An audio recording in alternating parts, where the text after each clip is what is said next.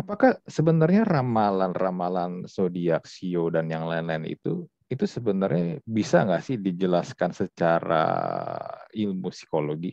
Karena menurut gua, menurut gua, setelah gua telah lagi ya di umur gua yang hampir hampir 40 tahun ini, setelah gua baca-baca lagi ramalannya kayaknya agak-agak goblok ya. Welcome to Talk to Talk Podcast. Let's talk now bersama gua Andri di sini dan guest episode kali ini kita kedatangan sekali lagi seorang psikolog yang sudah ini ketiga kali ya. Oh iya ketiga kali ya. Dia jadi guest di Talk to Talk Podcast. Anastasia Sari Dewi Santoso. Apa kabar Sari? Hai, baik. Thank you, Ko Andri, for having me again, again, again. Iya, it's nice talking to you soalnya. oh, thank you. Ini psikolog yang belakangan nih gue sering lihat kalau lihat Instagram dia sering banget main reels.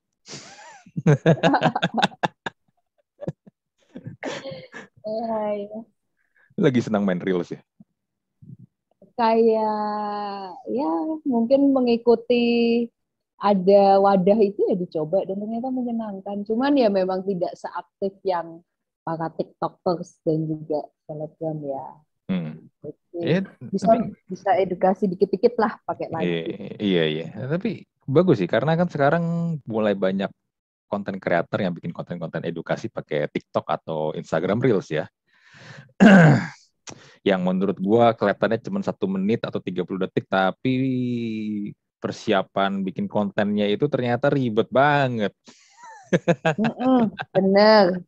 Apalagi yang pakai joget-joget wah saya tidak sehebat itu ternyata.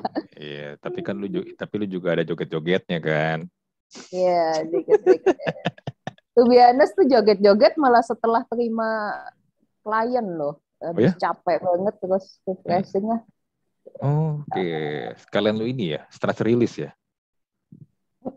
Dan dan karena kasus sebelumnya itu kayak suka masih kebayang gitu terus I tuliskan saja dalam bentuk reels gitu. Jadi nyata dari kasus. Hmm. ya good lah jadinya lu bisa dapat konten lu juga stress release. Betul betul. Nah episode kali ini gue ngajak Sari mau ngobrol tentang ini, kan kemarin sempat rame setelah Deddy Kobusier sembuh dari COVID kan ada yang ngeramal dia tuh. Dia orangnya bilang mengklaim sebenarnya dia tahu kalau Deddy Kobusier tuh sakit COVID dan langsung dibantah sama Deddy kan? Karena Deddy bilang yang tahu cuman hanya beberapa orang even saudara-saudara atau keluarganya pun banyak yang nggak tahu. Makanya dia protes ketika orang yang ngeramal dia ini orang yang dalam tanda kutip mengaku-ngaku tahu apa yang terjadi dengan Deddy Kobusier. Dan ya cuma masalah udah kelar lah ya karena dia juga udah minta maaf dia udah say sorry juga di Instagram dia tapi menarik gini Zar. Hmm. di masyarakat kita Indonesia eh, sebenarnya di dunia juga sih banyak banget kan yang suka ya sama ramalan-ramalan kayak gini ya. Ramalan kan ada banyak macam-macam ya. Ada yang ramalannya pakai tarot, ada yang zodiak, ada yang sio, ada juga yang golongan darah juga. Ya banyak ramalan lah atau baca garis tangan. Dan gue sendiri, gue sendiri juga dulu suka ya baca-baca lah zaman zamannya masih ini ya, masih sekolah kayak ramalan zodiak gitu. Tapi pertanyaan gue begini sebenarnya apakah sebenarnya ramalan-ramalan zodiak, sio dan yang lain-lain itu itu sebenarnya bisa nggak sih dijelaskan secara ilmu psikologi? Karena menurut gua, menurut gua, setelah gua telah lagi ya di umur gua yang hampir hampir 40 tahun ini, setelah gua baca-baca lagi ramalannya kayaknya agak-agak goblok ya. karena karena terlalu general banget kan nggak nggak nggak nggak detail tidak tepat sasaran dan kesannya tuh ngambang kata-kata atau kalimatnya kalau hmm. kita baca baik-baik ya hmm. Hmm. kayak misalnya tentang masalah keuangan oh nanti akan ada masalah keuangan keuangan akan jadi lebih berat nih harus menabung ya semua orang juga akan mengalami keuangan yang berat dan harus menabung ya kan nggak cuma gue doang gitu loh tapi somehow di satu titik gue merasa kok kayaknya gue merasa ini kok kayak gue banget ya ketika gue membaca tulisan-tulisan itu ya. Nah itu itu itu kenapa sih? Jadinya kan juga menyebabkan orang banyak juga yang percaya oh ini gue banget nih. Terus oh ramalan zodiak yang ini gue banget. Oh siang sio ini gue banget nih. Itu ada nggak sih penjelasan secara psikologinya? Hmm. Oke, jadi kalau terkait itu ya kok ya, hmm. uh, sering kali itu memang sebenarnya manusia itu kan pernah pernah mengalami banyak hal lah gitu. Hmm. Cuman seringnya di mana, jarangnya di mana itu kan tergantung ke kepribadiannya dia. Baik itu hal baik maupun hal buruk gitu. Jadi masalah sial dan untung itu kan semua orang pernah ngalamin sebenarnya. Hmm. Gitu. Jadi eh, kalau kita ngomong tentang ramalan, kalau saya pribadi sih bukan yang terlalu ngikutin kayak begitu ya. Hmm.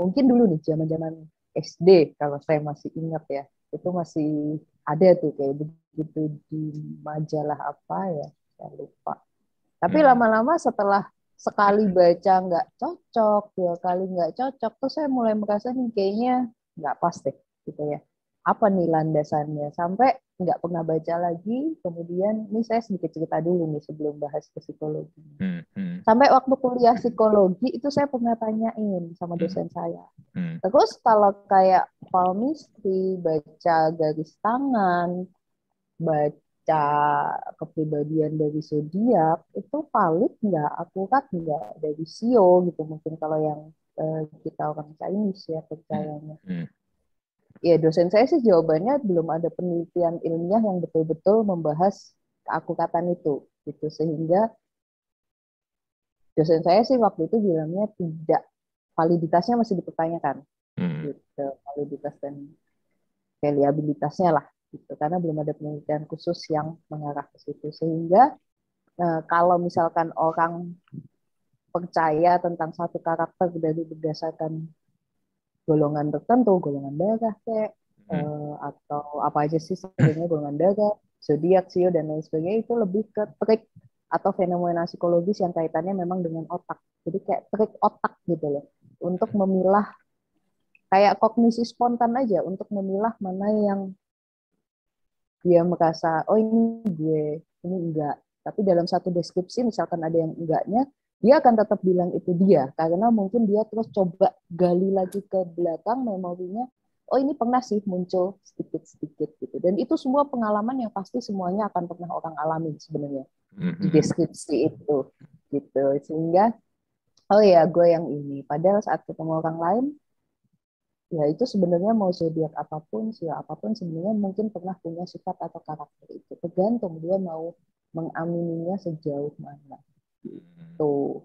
Nah, kadang kalau misalkan orang belum mengenal dirinya dengan sangat baik, atau belum mendalam lah tahunnya, atau mungkin tipe yang suggestible gitu ya, mungkin orang yang tipenya ekstrovert, yang gampang apa dapat energinya dari sumber-sumber lain, dari orang lain dan lain sebagainya, itu sangat membantu dia untuk mendrive dia dalam berperilaku. Nah, menjadi suatu belief lama kelamaan. Jadi mungkin seperti itu kali uh, hmm. jawabannya kalau dari kacamata saya sebagai seorang psikolog. Jadi trik kognisi gitu. Jadi kan apa ini gue ya gitu. Dia akan cocokin lagi dengan memori dan pengalamannya dia. Which is itu yang tadi di awal saya bilang, semua orang pasti pernah lah ngalamin itu semua. Gitu. Hmm. Jadi fenomena kayak begini bisa jadi semua orang, masing-masing orang bisa aja cocok logi sesuai apa yang dia mau dong. Bisa, bisa. Iya kan? Padahal itu umum ya dan hmm, berlaku untuk hmm, banyak orang. Hmm, dan mengklaim oh ini gue banget nih. Kan ketika itu juga bilang kan tentang karakter-karakter berdasarkan zodiak berdasarkan sio. Itu itu atau golongan darah itu kan juga sering kita baca kan. Kalau misalnya kayak gue gue taurus taurus punya karakter katanya keras juga bisa di uh, apalah gue juga sih gak gitu apa kayak begitu begituan ya. Tapi gue gue ngelihat apakah semua Taurus seperti itu kah ataukah zodiak lain nggak ada yang seperti itu kah? Gue gue gue tetap sih gue gue gue sampai sekarang masih merasa kayaknya bagaimana ya caranya mereka bisa mengeset kayak begitu begitu apakah hanya berdasarkan lambangnya aja? Kalau Taurus kan lambangnya banteng kan. Ya mungkin ngelihat hmm. karakter dari banteng seperti itu gitu. Apa gimana gitu? Tapi ya gitu sih jadinya membuat orang tuh ya tadi gue bilang cocok logi. Jadi ya. betul. Kalau di astrologi kan percayanya mereka lahir pada saat rasi bintang seperti ini sehingga hmm. karakter alam alam itu lagi seperti ini sehingga anak yang lahir pada saat itu punya karakternya seperti ini. Jadi dulu itu seperti itu kan hmm. Eh, landasan atau dasarnya. Pada saat rasi bintang seperti ini mungkin yang di tempat pertama kali itu tercipta ini alam lagi seperti ini musim apa ya kan apakah musim berburu, apakah musim dingin, apakah musim apa, hibernasi dan lain sebagainya. Itu berpengaruh terhadap karakter. Itu yang dijadikan landasan yang orang-orang astrologi dulu awalnya susun gitu. Namun hmm, hmm. kalau kita ngomongin psikologi kembali lagi yang dilihat adalah kacamatanya adalah kacamata yang kaitannya otak. Tentang bagaimana dia merekam, menganalisa, kemudian menyadari penghayatan dirinya seperti apa which is itu yang tadi saya bilang bisa aja semuanya ada lah di kita gitu. kadarnya tinggi rendahnya dari beda-beda hmm.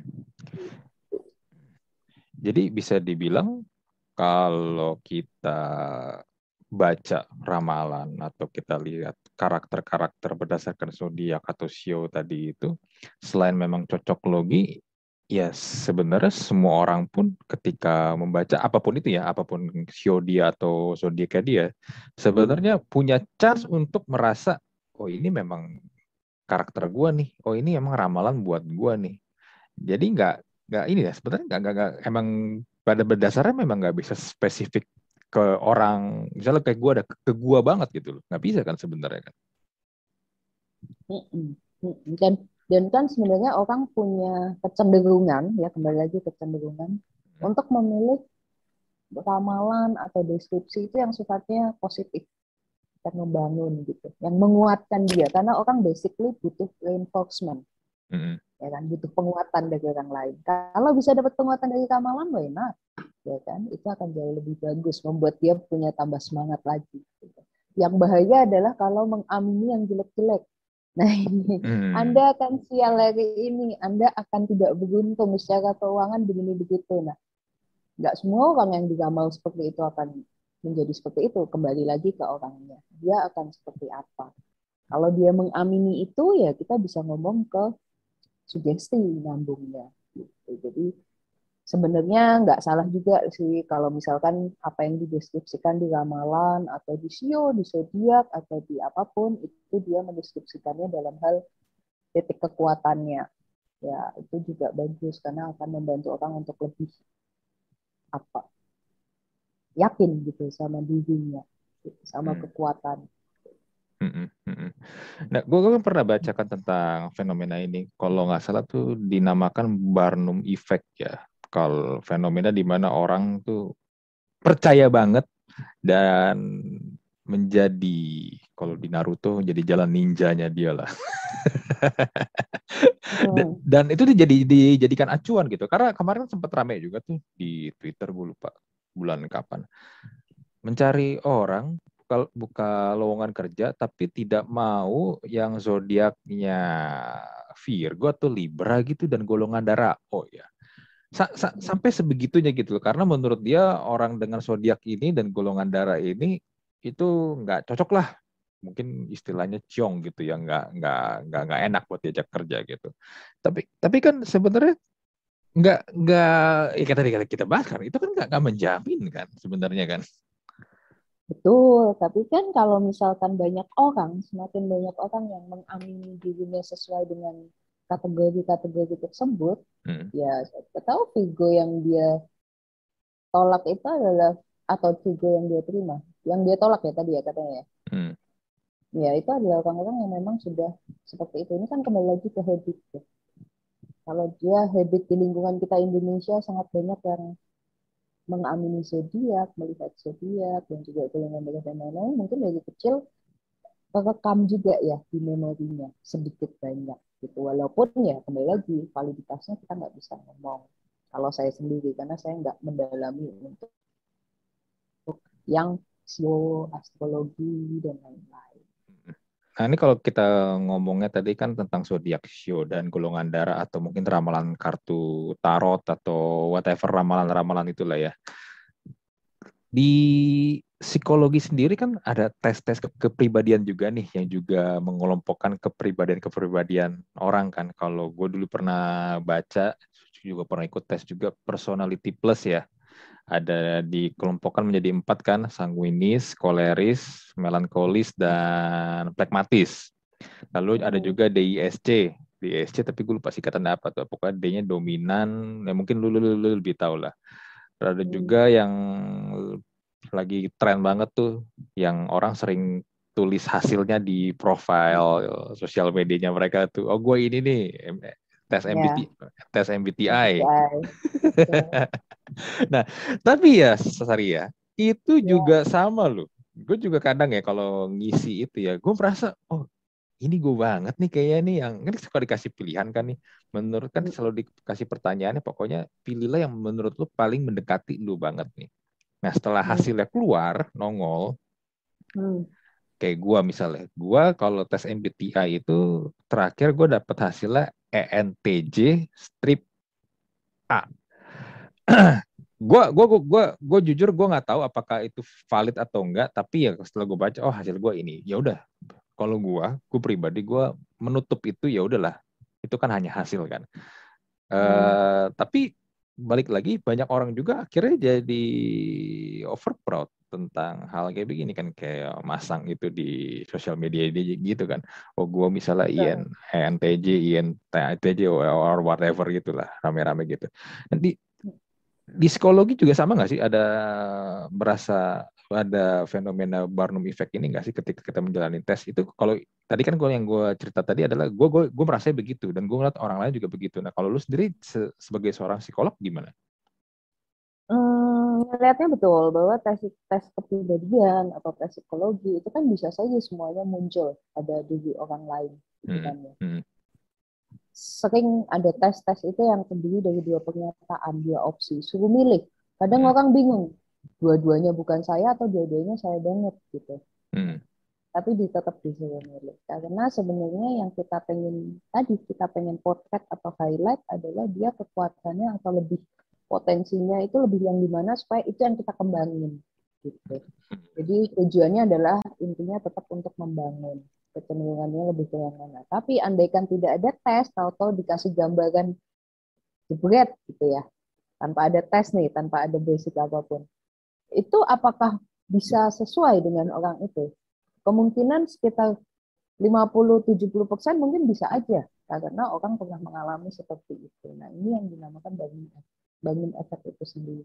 Gitu. Tapi kalau dalam psikologi sendiri, memang alat tesnya itulah kenapa diharapkan dalam memberikan tes itu kombinasi nih supaya saling cocok-cocokan. Kadang di sini dia cenderungnya ke sini, di sini kok cenderungnya ke sini ya gitu ya. Dengan beda pernyataan beda kalimat dia kok agak beda. Nah itu kita jembatani dengan tes-tes lain baru dikombinasikan menjadi satu gambaran.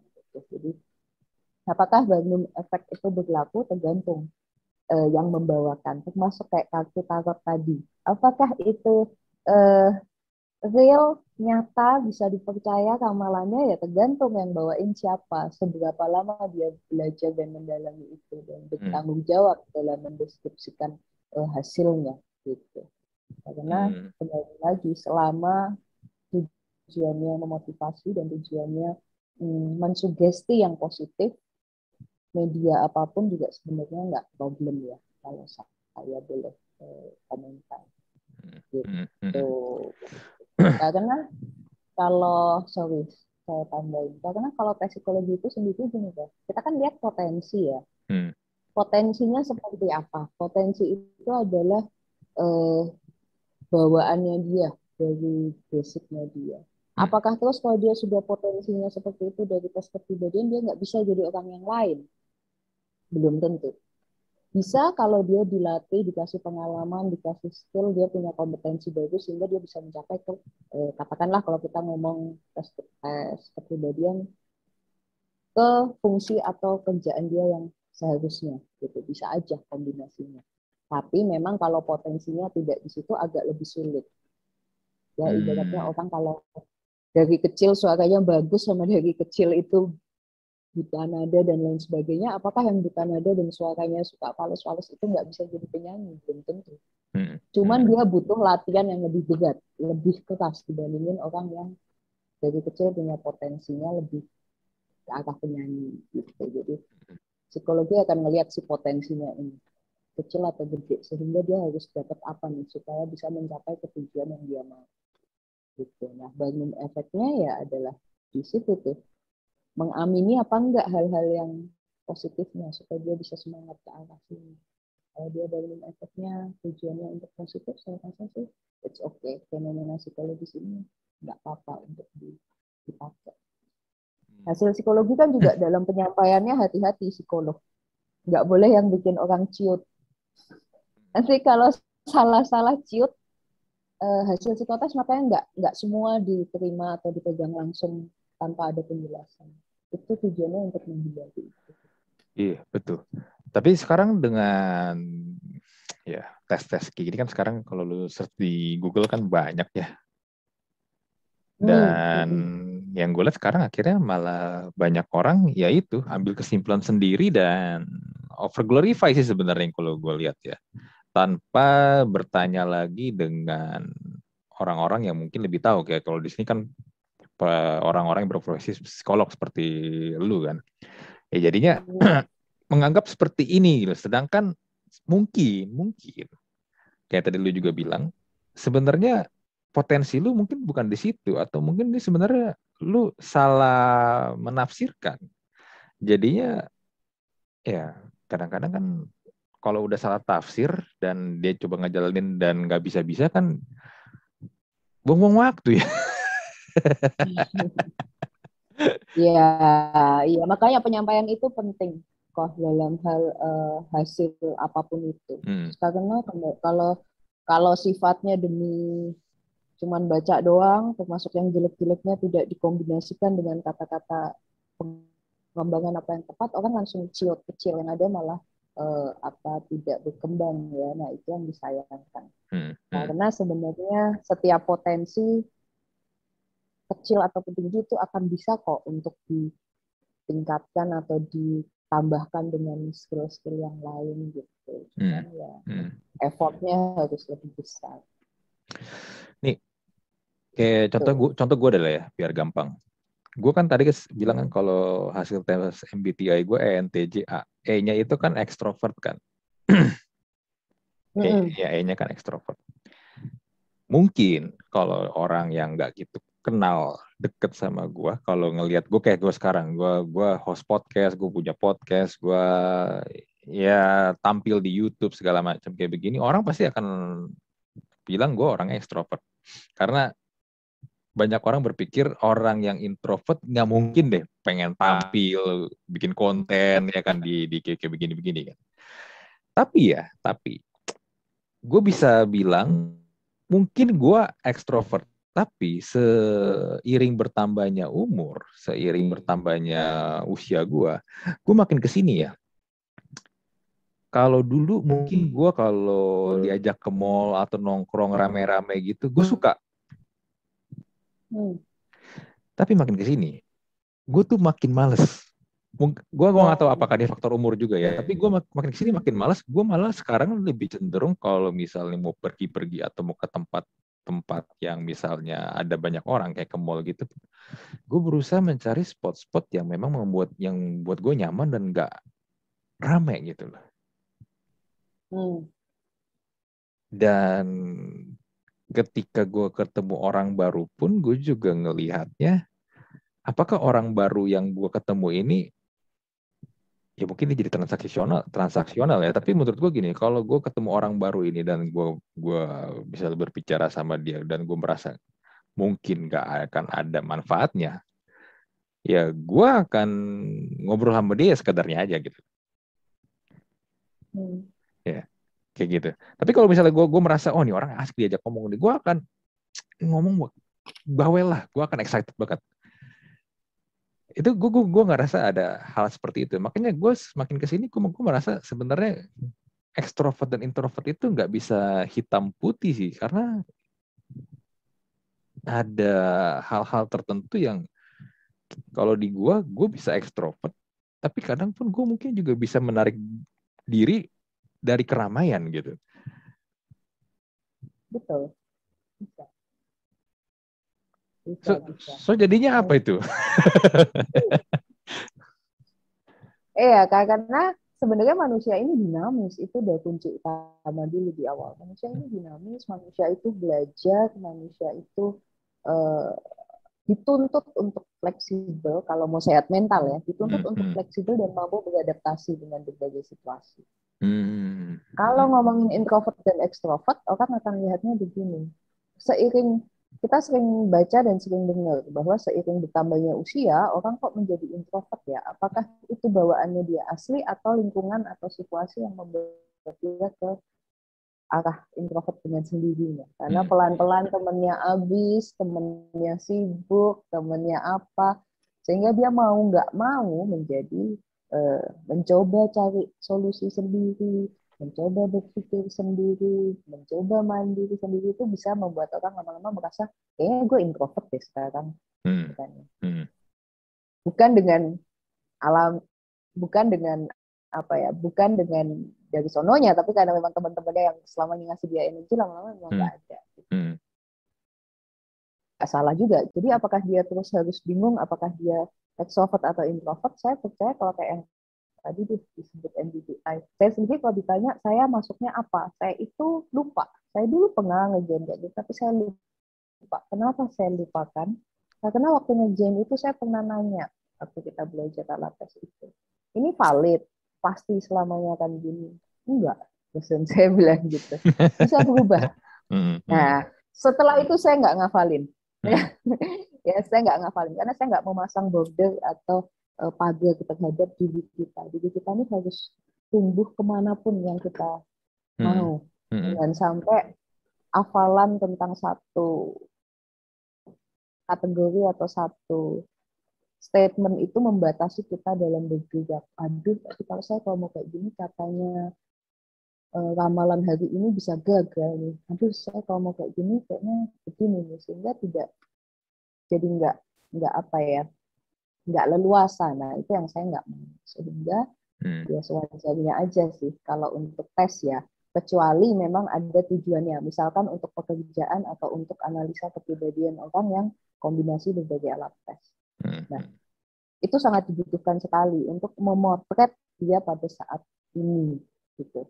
Masalah dia nanti dalam proses terapi, dalam dia bekerja, itu kan dia pasti nggak nggak nggak pasif dengan itu aja dia akan hmm. seiring waktu akan tambah bagus, tambah belajar hal baru, akan begini, akan begitu. Nah, sehingga walaupun ada bagian-bagian yang kurang, setidaknya itu tidak jauh sekali. Misalkan, oh ini orangnya nggak teliti nih, gitu hmm. ya. Hmm. Apakah dia pasti akan sampai tua nanti tidak teliti?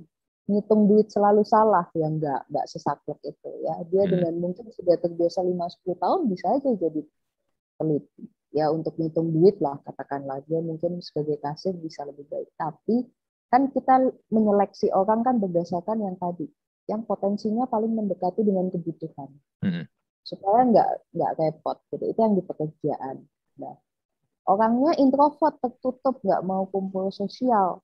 Kita tes ini kebutuhannya apa? Oh kebutuhannya untuk jadi sales oh ya jangan pakai yang introvert walaupun mungkin bisa aja jualan tapi kan PR ya butuh hmm. waktu lama hmm. untuk nunggu dia ke sini dan ini kan yang di dia juga effort buat belajar ke sini sedangkan kalau kerjaan lain dia jauh lebih cepat yang perusahaan juga effort nungguin dia jadi kita hmm. cocok di situ itu yang tujuannya yang sebenarnya yang kita inginkan gitu dalam tes tes termasuk tadi hmm. extrovert introvert juga hmm. untuk terapi itu supaya lebih tepat sasaran sama kita ngasih pengembangan atau saran-sarannya tuh yang dia pada saat itu nyaman lah.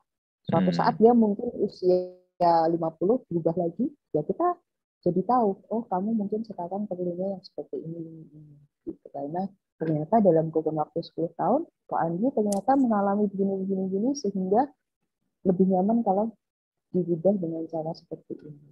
Gitu. Tapi perubahannya nggak akan terlalu drastis sih. Hmm. Hmm. Iya bener-bener nggak nggak nggak nggak memang memang nggak drastis gitu. Tapi gue gue malah gue mengalami aja. Gue gue pelan pelan gue menyadari gue kok makin ke sini gue kayak lebih nyaman ya dengan solitude dengan lebih sunyi gitu. Kayak misalnya ngopi baca buku. Even itu mungkin di ini ya di sebuah kafe ya. Kafe kan berarti masih ada orang lain kan. Tapi kok gue, gue duduk sendiri gue sambil ngopi baca buku ya it's me time for me gitu. Dan gue gue merasa nyaman dan gue merasa energized karena gue gue gue bisa menikmati diri gue sendiri gitu loh. Tanpa perlu ada orang lain di depan gue atau ada yang ngobrol di depan gue gitu. Iya yeah. ya mungkin ini kali ya. Ada istilah apa sih? Ambivert ya? Mungkin ambivert kali gue ya.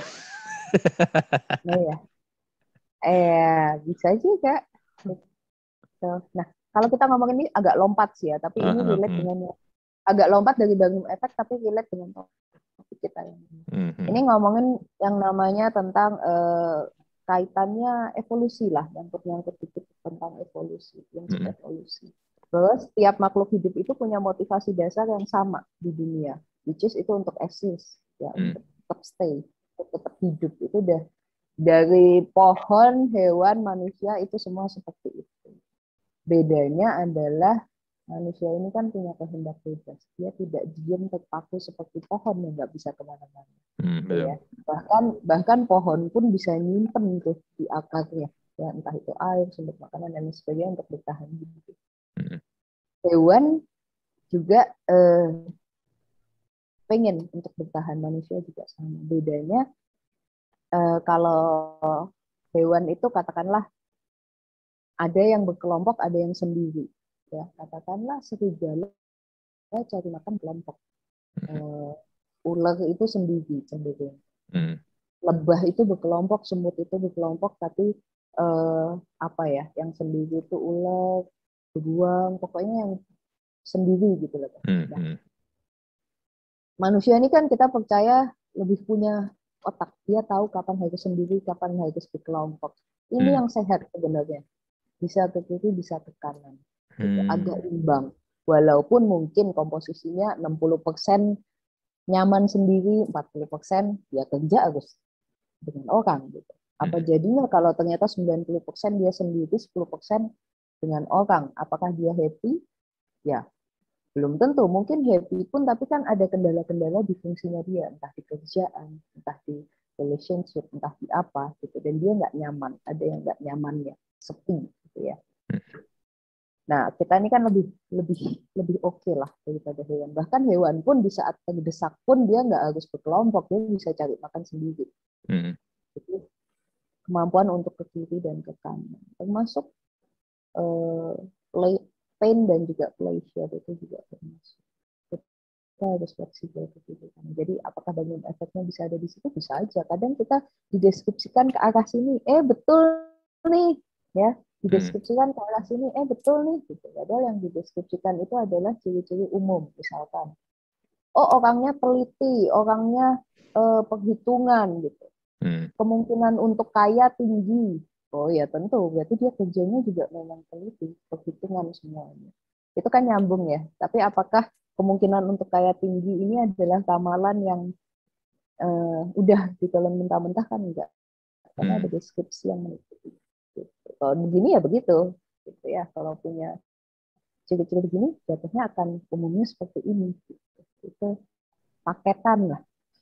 Hmm. deskripsi paketan. Begitu. Hmm, betul betul. Ya jadi bisa disimpulkan memang ini ya setiap orang itu unik dan case by case. Nggak bisa lu pukul rata hanya karena berdasarkan ramalan zodiak sio tarot atau mungkin juga hasil tes psikologi kan dan mungkin ini kali juga ya, mungkin kayak tadi lu juga sempat bilang kan pengalaman hidup dari seseorang, belum lagi kita kalau ngomong dia juga pernah terluka, ada mungkin ada trauma juga, itu itu pasti akan banyak banget faktor-faktor yang mempengaruhi kenapa orang itu akhirnya jadi seperti ini kan.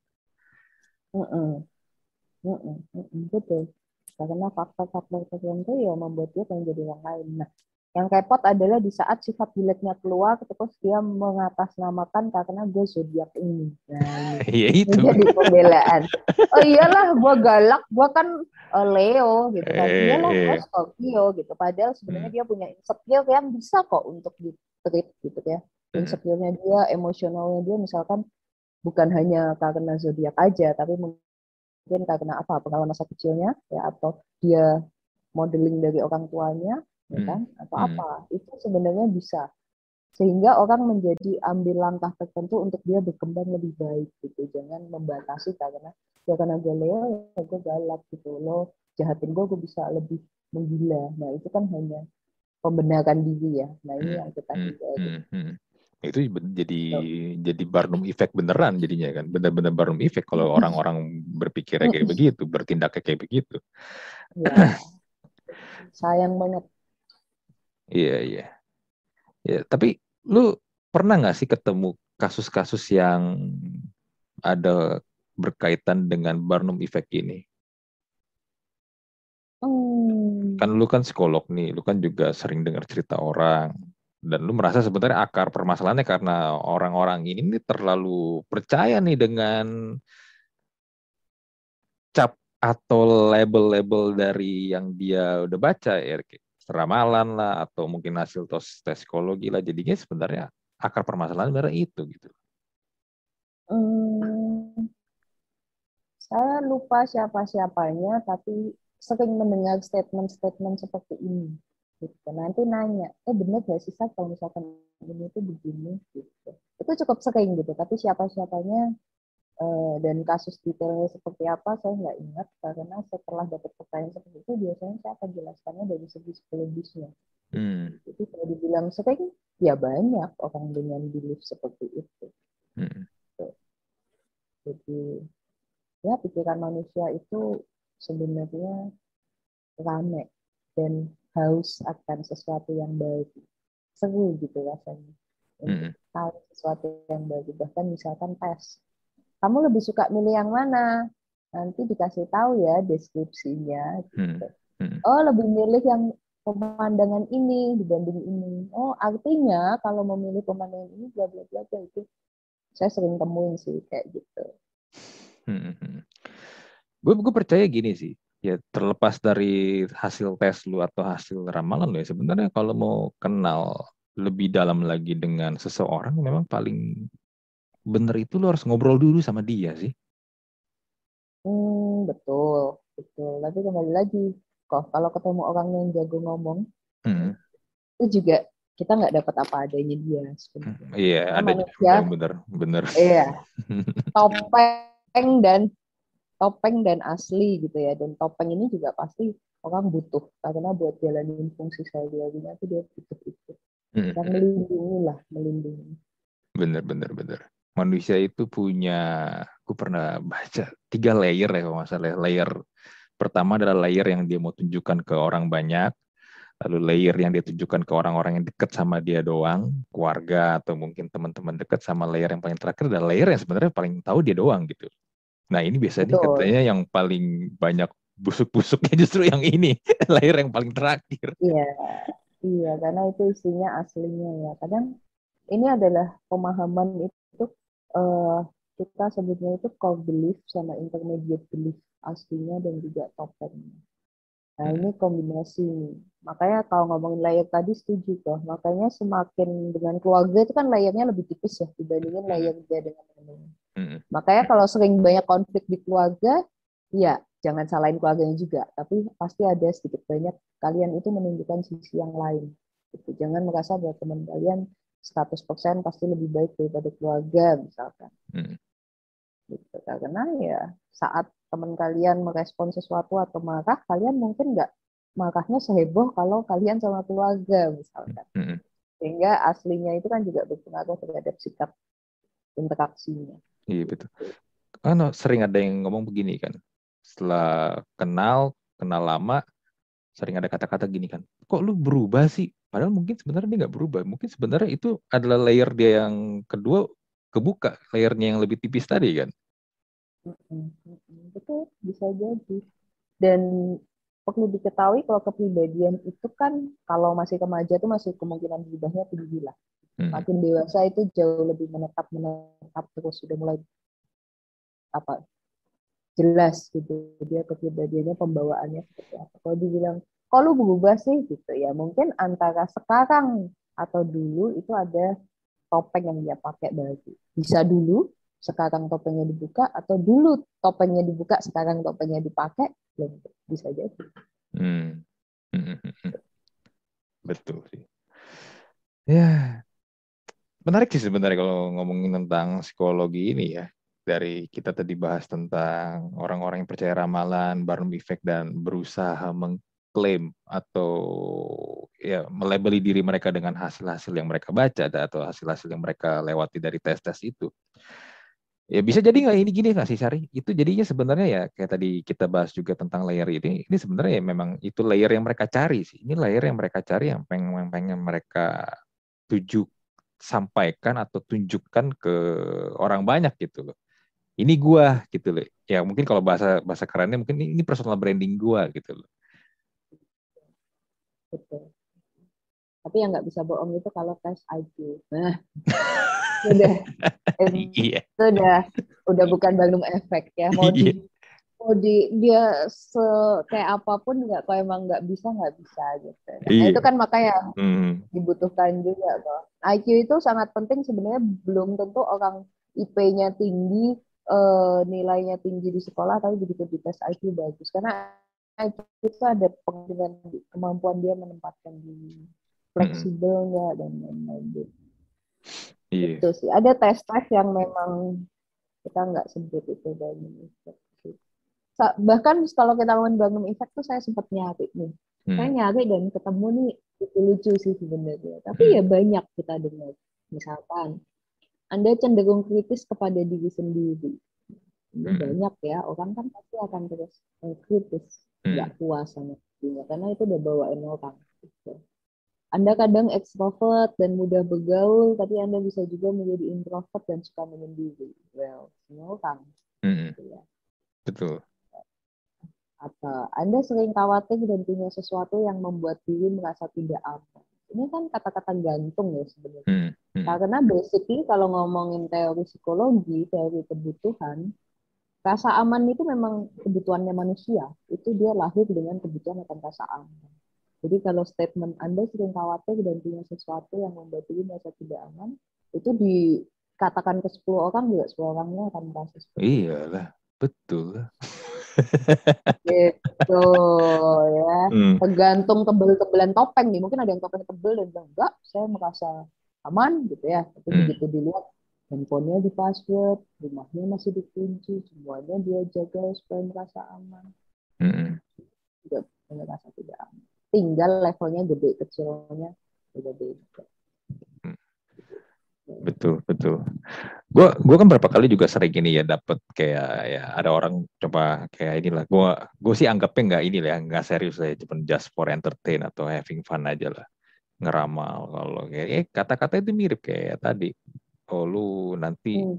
akan ada masalah di kerjaan lu problem di kerjaan. Ya gue berpikir ya sebenarnya namanya juga kerjaan pasti akan ada problem kalau kerjaan lu mulus-mulus aja. Gue jadi bingung lu sebenarnya kerja atau enggak kan? Hmm. betul betul tinggal. Ya itu kan sebenarnya untuk memberikan kita kesiapan hmm. oke okay.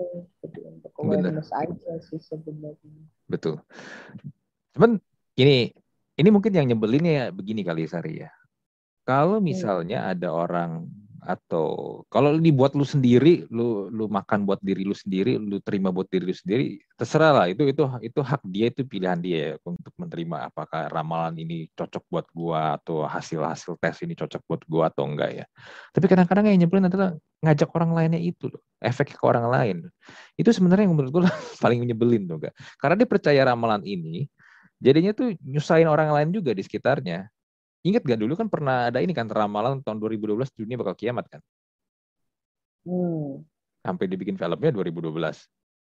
Yang hmm. ramalan yang ramalan suku Maya katanya diramalkan yeah. dari zaman kapan kata 2012 bumi akan kiamat ya sampai tapi sampai sekarang udah 2021 bumi masih belum kiamat sih cuman kena covid doang.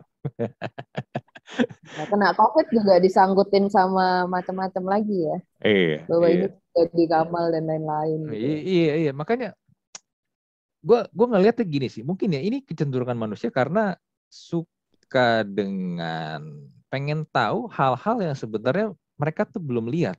Ya ramalan kan buat ke masa depan lah ya untuk melihat sesuatu yang sebenarnya belum terjadi tapi mereka tuh pengen tahu gitu yang menurut gue pribadi ya kalau gue dikasih pilihan kalau ada mesin waktu apakah gue mau ke masa lalu atau ke masa depan gue gue lebih mendingan milih ke masa lalu lu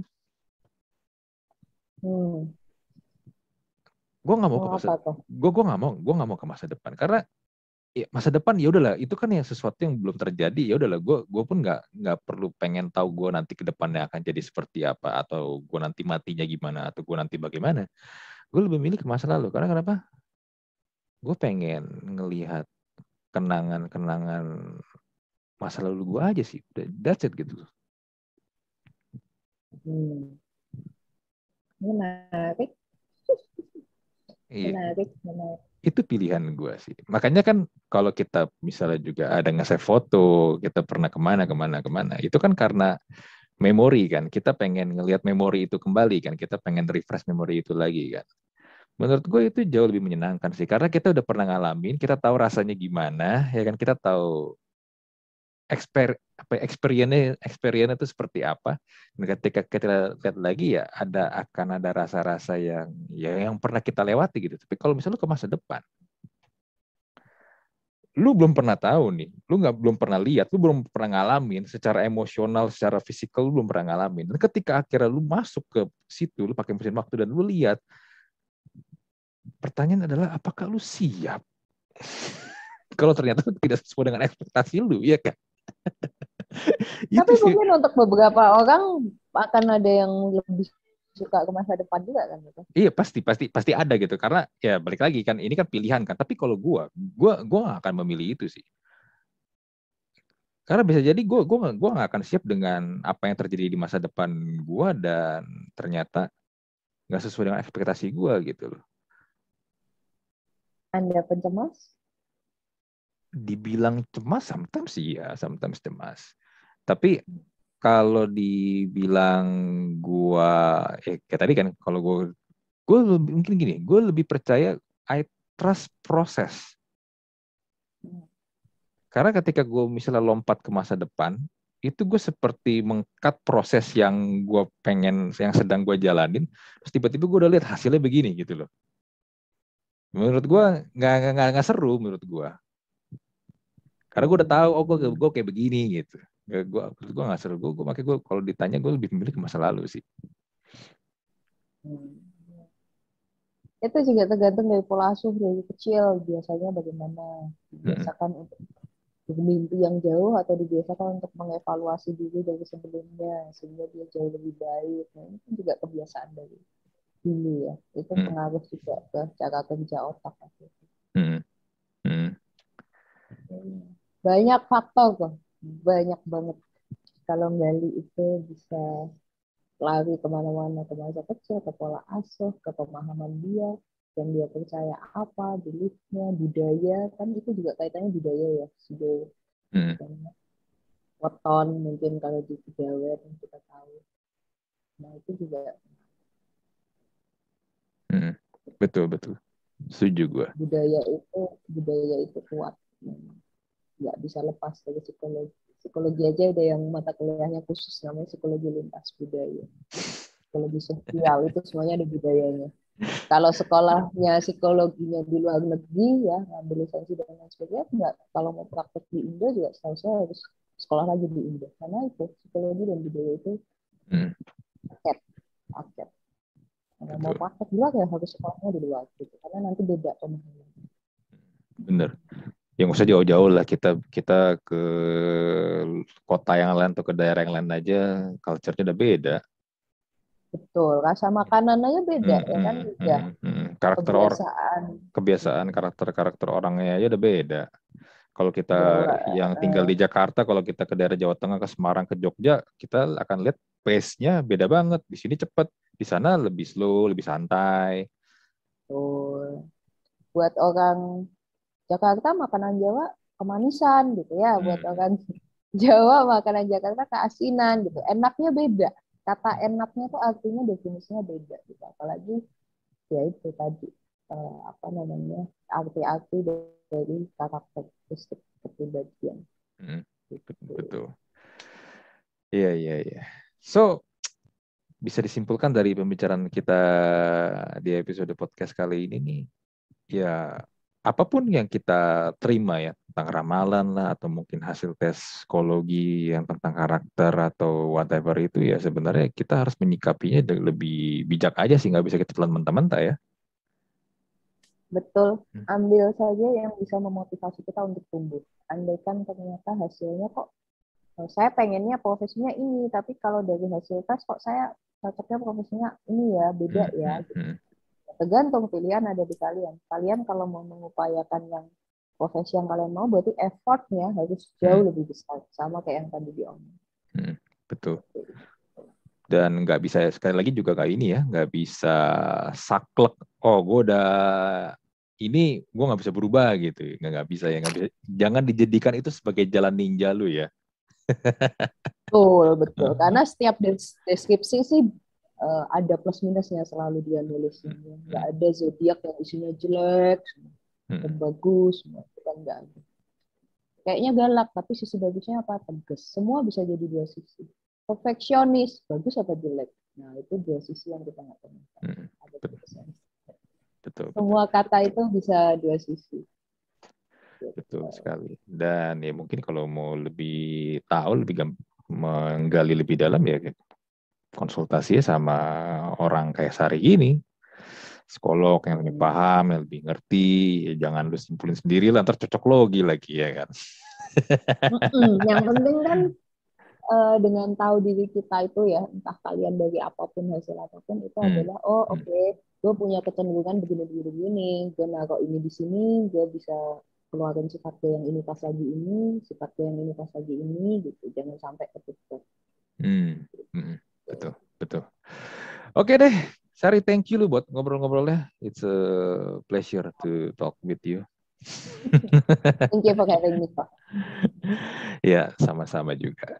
Oke deh ya, kita close lah ya episode Talk Talk Podcast kali ini. Gua Andri dan Sari psikolog kita yang lagi demen main reels.